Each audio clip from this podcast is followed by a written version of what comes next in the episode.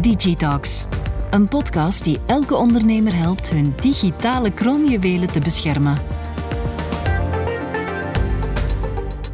Hallo, welkom bij deze Digitalks podcast. Mijn naam is Patrick de Sager, ik ben uw host. In deze eerste reeks gaan we in op diverse cybersecurity items. In deze aflevering specifiek gaan we stilstaan bij onze manier van werken, want die is de laatste jaren totaal veranderd. De tijden waarin er massaal werd samengewerkt op dezelfde werkplek, die zijn voorbij, want meer en meer bedrijven zetten in op het hybride werken. En dat brengt nieuwe uitdagingen met zich mee. Welke uitdagingen zijn dat en hoe verzorg je daar de beveiliging rond? Het leek ons een goed idee om daarvoor eens een expert mee uit te nodigen in deze uitzending. En die expert is Bastiaan Germs. Dag Bastiaan. Hallo Patrick. Jij bent product en solution specialist bij Proximus. Jij hebt ondertussen meer dan 20 jaar ervaring in de telecom en de IT en de laatste jaren in de werkplekomgeving. Dat klopt, hè? Dat klopt inderdaad. En wat moet ik me dan voorstellen bij die expertise? Ja, de werkplek is eigenlijk opnieuw ontdekt door de hackers, zou je kunnen zeggen. Mhm, De laatste tijd hoor je veel van ransomware en andere bedreigingen. mhm. En dat is mede veroorzaakt eigenlijk doordat mensen ook steeds vaker eh, thuiswerken en niet meer op het bedrijf zitten. En daar ben jij in gespecialiseerd. Daar focus jij je op om daar de oplossingen voor te zoeken. Eh, Daar eh, zijn verschillende oplossingen voor en ik help bedrijven om daarbij de juiste oplossing voor hun situatie te vinden. We zeggen het eigenlijk tegen elkaar. Het is wezenlijk veranderd. Het heeft zelfs een boost gekregen met een virus dat we niet gaan vernoemen in deze uitzending. Waaraan ligt dat, die evolutie? Goh, er is een ehm, zekere digitale transformatie aan de gang. En die is eigenlijk mogelijk gemaakt door de technologische ontwikkelingen van de afgelopen 20 tot 30 jaar. Mhm. En dat is versneld door corona. Ja. En tegenwoordig hoef je eigenlijk dus niet meer altijd op kantoor te zijn. Sterker nog, tijdens corona moesten we verplicht thuis zitten. Ehm, mensen werken thuis, onderweg, op locatie. Dat maakt eigenlijk allemaal niet zoveel uit. En het eh, werk gebeurt zelfs ook niet meer altijd op een pc of zelfs niet meer op een laptop, maar ook steeds vaker op de gsm.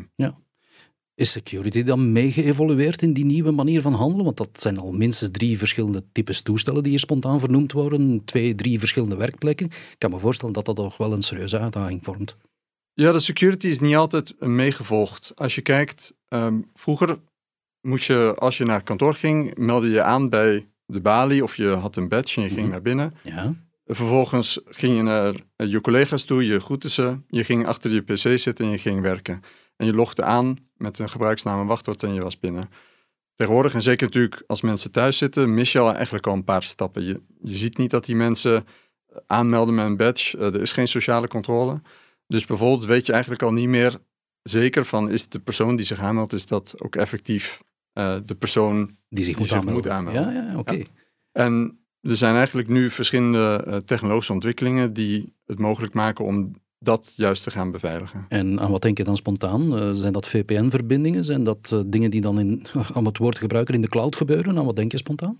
Ehm, ja, veel bedrijven zien we dat die gebruik maken van een VPN-verbinding. Dus dat die eigenlijk gestart zijn met die, die werkplek thuis te doen alsof die op kantoor zit.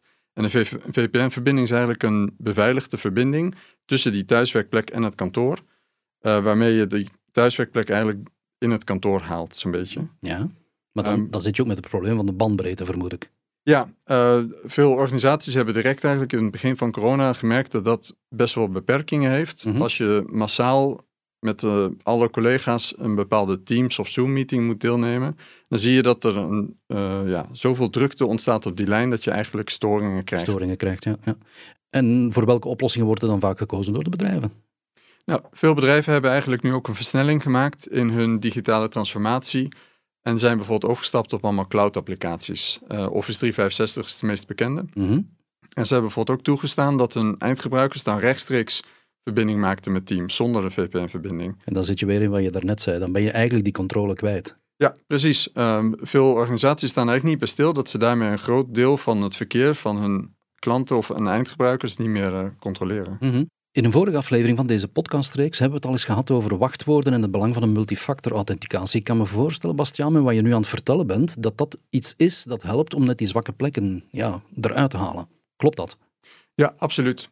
Eh, wat je ziet is dat veel gebruikers vaak dezelfde wachtwoorden gebruiken voor verschillende applicaties. Ja. En dat is zowel privé als zakelijk. Dus bijvoorbeeld eh, hetzelfde wachtwoord op LinkedIn en Facebook en ook op hun bedrijfsomgeving. Mhm. En het grote risico is als dan zo'n wachtwoord gelekt wordt, zoals, zoals in het verleden wel eens gebeurd is, dat eigenlijk een hacker met een bepaalde gebruiksnaam en wachtwoord gewoon kan aanloggen op bijvoorbeeld de Office 365 omgeving van de klant. Ja. En als je dan geen extra beveiliging daarop toevoegt, dan kan iedereen dus van buitenaf gewoon daarop uh, aanloggen. Dus wat bijvoorbeeld belangrijk is, is een multifactor authentication of twee-stapsverificatie in te voeren. Ja. Zodat je niet alleen met een gebruiksnaam en wachtwoord kan aanloggen, maar dat er ook altijd nog een tweede verificatie wordt gevraagd van de eindgebruiker. Alright. Je hoort dat al eens vaak zeggen in communicatie naar bedrijven toe. Ik, ik denk dat het hier ook gaat over zero trust policy. Ja, eh, zero trust is eh, zeer belangrijk, omdat je dus niet meer in een situatie zit waarbij je de eindgebruiker kan vertrouwen of het toestel kan vertrouwen. Mhm. Moet je eigenlijk ervan uitgaan dat je ehm, altijd moet verifiëren of de persoon en of het toestel wat, wat zich aanmeldt ook echt de persoon en het toestel zijn die toegang mogen krijgen. Die eerste stap is dus eigenlijk het verifiëren van de gebruiker. Mhm. Eh, daar is de multifactor authentication een van de mogelijkheden voor. Je kan eigenlijk op die manier ervan uitgaan van ja, als iemand zich met niet alleen met zijn gebruiksnaam en wachtwoord, maar ook met een tweede factor, bijvoorbeeld iets wat hij eh, bezit, zoals een toestel, Ja. eh, of eh, iets wat hij is, bijvoorbeeld een, een, een vingerafdruk of een gezichtsherkenning. Als je meerdere van die factoren kan combineren, dan kan je zeker zijn van de persoon die zich aanmeldt, die is ook echt de persoon die toegang mag hebben. Met dat toestel dat erbij hoort enzovoort. Ehm, ja, dus eh tweede stap is eigenlijk het verifiëren van het toestel. Eh, daarbij is het van belang dat je zeker weet dat het toestel, het, het, het toestel toegang mag krijgen.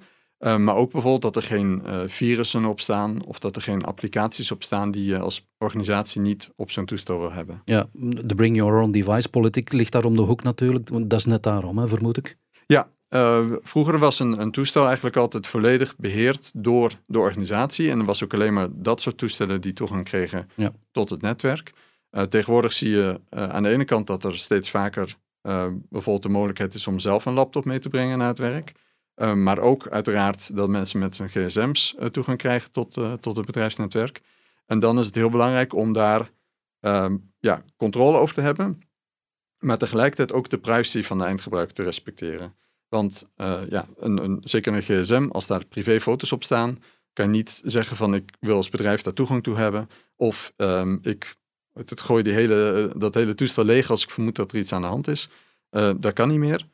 En om dat op een goede manier te beheren, heb je dus tegenwoordig eh, Enterprise Mobility Management of eh, Mobile Device Management eh, oplossingen. Oké. En dan wordt er effectief gezorgd dat alle bedrijfspolicies toch kunnen toegepast worden op het geheel van de werkmiddelen die iemand vrij kan gebruiken dan. Ja, dat zijn eigenlijk moderne eh, beheerstools waarmee het mogelijk is om een privé en een zakelijk deel op, op zo'n toestel te creëren. Mhm. En de organisatie heeft dan alleen maar eh, ja, invloed eigenlijk eh, op het zakelijke deel. En het Ja. privédeel blijft ongemoeid. We zitten dus op het punt dat zowel de gebruiker als het device voldoende geverifieerd zijn. Welke zijn dan de volgende stappen? Ja, de volgende stap is dan eigenlijk dat je ja, je gegevens ook moet beschermen. Ja. Ehm, je mag er ook niet van uitgaan dat iedereen altijd maar toegang mag hebben tot alle gegevens.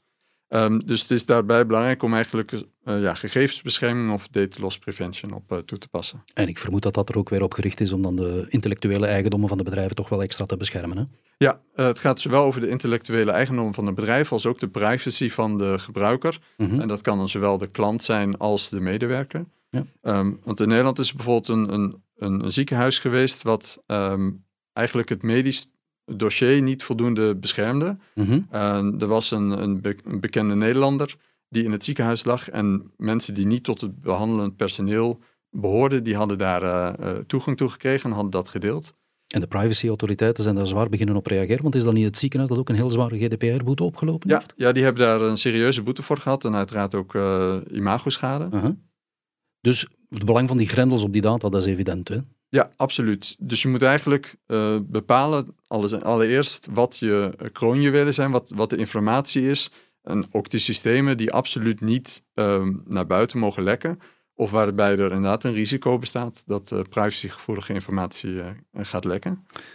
En daar kan je dan effectief ehm, ja, grendels opzetten. Ehm, dus bepalen wie daar toegang toe mag hebben. Maar bijvoorbeeld ook regels over instellen van eh, mag dat gedeeld worden, ja of Ja, nee. kan, je, kan je daar eens een paar praktische voorbeelden van geven? Ja, meestal wordt bij dat soort organisaties gekozen voor een ehm, klassificatiesysteem. Mhm. Waarbij je bijvoorbeeld zegt van nou, sommige gegevens zijn openbaar en andere gegevens zijn juist zeer vertrouwelijk. En vervolgens wordt het klassificatiesysteem gebruikt om daar een beleid op te schrijven. Dus ja, wat mag er dan effectief gebeuren met vertrouwelijke gegevens? Wie mag daar toegang toe hebben? Wat moet ermee gebeuren als die naar buiten worden gestuurd? Uh, daar kan je eigenlijk allemaal uh, regels en beleid op, voor opstellen die dat um, beperken wat er mee Dat definiëren, ja. ja. Jij werkt bij Proximus. Um, ik heb me laten informeren dat daar niet toegestaan is om USB-sticks te gebruiken. Waarom? Ja, bij, bij Proximus hebben we uiteraard ook een gegevensbeschermingsbeleid. Mm -hmm. uh, een daarvan is dus inderdaad dat we geen USB-sticks of bijvoorbeeld USB-drives mogen gebruiken. En dat is eigenlijk omdat dat ja, misschien wel de meest makkelijke manier is om heel veel gegevens naar buiten te sturen. Ja, ja. Uiteraard werkt Proximus ook met, met privacygevoelige informatie. En om dat te beschermen is er nu gezegd geweest van je mag dat niet meer via USB doen. Uh, als er gegevens worden uitgewisseld, gaat het altijd via OneDrive in ons geval. En um, ja, dus de gegevens moeten dus wel op OneDrive worden opgeslagen. Maar je kan het ook bijvoorbeeld delen extern met dan bepaalde restricties. Dus er zijn ook restricties op, het, op de apps bijvoorbeeld die mogen gebruikt worden. Ik kan me ook voorstellen dat men hetzelfde doet voor de browsers dan? Ja, dus uh, eigenlijk in een goede data loss prevention policy bepaal je uh, welke applicaties toegestaan zijn en niet. Bijvoorbeeld ook bepaalde browsers zijn minder te vertrouwen dan andere. Bijvoorbeeld ja, Chrome en, en, en Edge en dergelijke, dat is allemaal meestal wel oké. maar het Tor, de Tor-browser uh, is typisch eentje die, uh, die toch vaak voor verdachte dingen wordt gebruikt. Mm -hmm.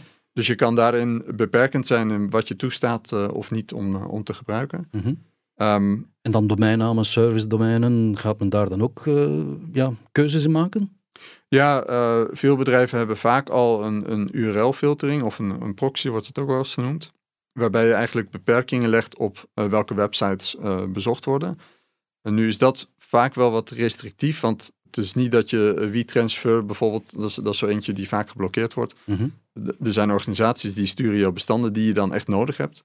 Um, dus waar we tegenwoordig meer op inzetten is minder het blokkeren van dat soort websites, maar meer het monitoren van wat er dan effectief voor een verkeer plaatsvindt. En dan zitten we eigenlijk stilaan bij die derde pijler, denk ik, van het Zero Trust principe, dat is de monitoring. Hè? Ja, monitoring is heel belangrijk. Want als je mensen vrijheid geeft om bepaalde dingen te doen of te laten, uh, wil je als organisatie wel daar zicht op houden. En uh, historisch gezien, als het allemaal in het eigen bedrijfsnetwerk plaatsvond, was dat redelijk eenvoudig. Uh, maar nu er steeds meer natuurlijk naar de cloud toe gaat, is het steeds moeilijker om zicht te houden op wat er zich buiten het eigen bedrijfsnetwerk. Ja, ja. En dan heb je ja, die extra logmogelijkheden, die moeten ergens geïnventariseerd geraken. Ja, dus je ziet dat daar eigenlijk veel uh, technologische ontwikkelingen plaats hebben gevonden. Uh, eentje van de laatste jaren is Cloud App Security Broker. Mm -hmm. um, dat is een oplossing waarmee het mogelijk wordt eigenlijk om ook inzicht te krijgen op hetgene wat er gebeurt in de cloud. Zoals een Dropbox of een, eh, een Google Drive of uh, Office 365. En kan je daar dan ook bijvoorbeeld restricties gaan leggen rond locaties? Ja, dus je kan bijvoorbeeld zeggen dat bepaalde bestanden wel of niet gedeeld mogen worden.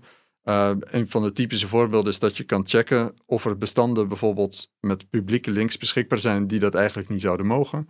Dus er zijn verschillende mogelijkheden om dan meer grip te krijgen eigenlijk op die vertrouwelijke gegevens. Oké, een andere beveiligingsoplossing heb ik me laten vertellen is Endpoint Detection and Response. Vertel daar eens iets meer over. Ja, we hebben nu veel gefocust op, op gegevensbescherming, maar uiteraard blijft het belangrijk dat die toestellen die gebruikt worden, dat er geen virus op staan. Uh, ransomware is natuurlijk het meest bekend uh, de laatste jaren. Mm -hmm. En uh, endpoint detection and response is, is vaak een combinatie van zowel um, een, een, traditionele antivirus, als ook de mogelijkheid om eigenlijk op het endpoint, dus op het mobiele toestel of de laptop, in de gaten te houden wat daar eigenlijk allemaal gebeurt. En daar dan op in te grijpen als er iets uh, gebeurt wat niet uh, toegestaan is. Oké, okay, op die manier wordt eigenlijk een, een soort van documentatie samengesteld om nadien op te reageren dan. Ja, omdat uh, soms is er achteraf gezien pas bepaalde informatie bekend waarvan we weten van hé, hey, dat is een aanval. En dan kan je eigenlijk ook nog met terugwerkende kracht kijken van is die aanval, heeft die plaatsgevonden bij ons ook op het netwerk? Of zijn er bepaalde gegevens inderdaad gelekt geweest die, die belangrijk zijn om te melden? Bastiaan, we hebben in deze podcast heel vlot het drie-stappen-model opgebouwd in die Zero Trust Policy. Um, als we nu toch stilaan naar het einde van dit gesprek komen, voor de luisteraar is het altijd goed om nog een paar gouden tips te hebben. Kan je daar eens mee afsluiten? Ja, uiteraard. Uh, ik heb er drie. De eerste is multifactor authentication. Het is uh, zeer belangrijk eigenlijk om daarmee te starten, omdat dat direct al het veel moeilijker maakt voor hackers om met een bekend gebruiksnaam en wachtwoord aan te loggen op applicaties. Dus dat is een relatief eenvoudige stap om te implementeren en die geeft direct al een groot effect. Mhm. Het tweede wat we altijd aanraden is om de kroonjuwelen te identificeren. En dan gaat het zowel om de meest belangrijke gegevens van een organisatie als de applicaties die belangrijk zijn voor het, be- voor het bedrijfsbelang.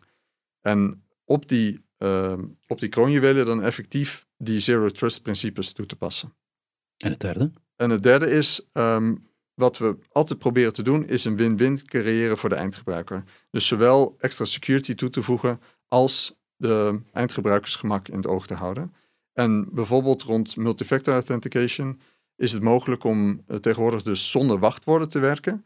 Eh, door niet meer het wachtwoord als een van de drie methodes te kiezen, maar juist te kiezen voor bijvoorbeeld een toestel en een vingerafdruk. En die twee zijn op zichzelf veilig genoeg, en ster- sterker nog veiliger dan een wachtwoord. En zijn tegelijkertijd veel makkelijker om te gebruiken voor de eindgebruiker. Tot op het einde. Klaar, kristalklaar en vooral verhelderend. Bastiaan, bedankt voor al die toelichting. Hybride werken, ik, ik had er heel veel vragen rond. Ze zijn al een heel groot stuk beantwoord. Ik wil je daarvoor oprecht bedanken. Bedankt. En u dank, luisteraar, dat u ook deze tweede aflevering in deze reeks Digitalks heeft meegepikt. Uw reacties en vragen die zijn heel welkom via proximus.be slash security. Deze podcast zal misschien vragen opwerpen, die andere ook. Wel, onze experts die staan met plezier klaar om u verder te helpen. U vindt op proximus.be slash security ook de andere afleveringen uit deze reeks podcasts. In een gesprek met Bastiaan had ik het dus vandaag over het hybride werken en de uitdagingen die daar komen bekijken. In die andere afleveringen gaan we bijvoorbeeld in op het correct gebruik van paswoorden, DDoS-aanvallen, het beveiligen van steeds groot wordende netwerken en met een andere expert komen tot besef dat ondanks alles preventie in het geval van cybersecurity zeker niet volstaat. Deze en andere podcasts, u mag ze zo vaak beluisteren als u wil, ze blijven beschikbaar op proximus.be slash security. Heeft u vragen? Laat het ons weten. Ik ben heel graag uw host in die andere podcast. Wij horen elkaar dan terug. U houdt het intussen veilig. Digitalks, powered by Proximus.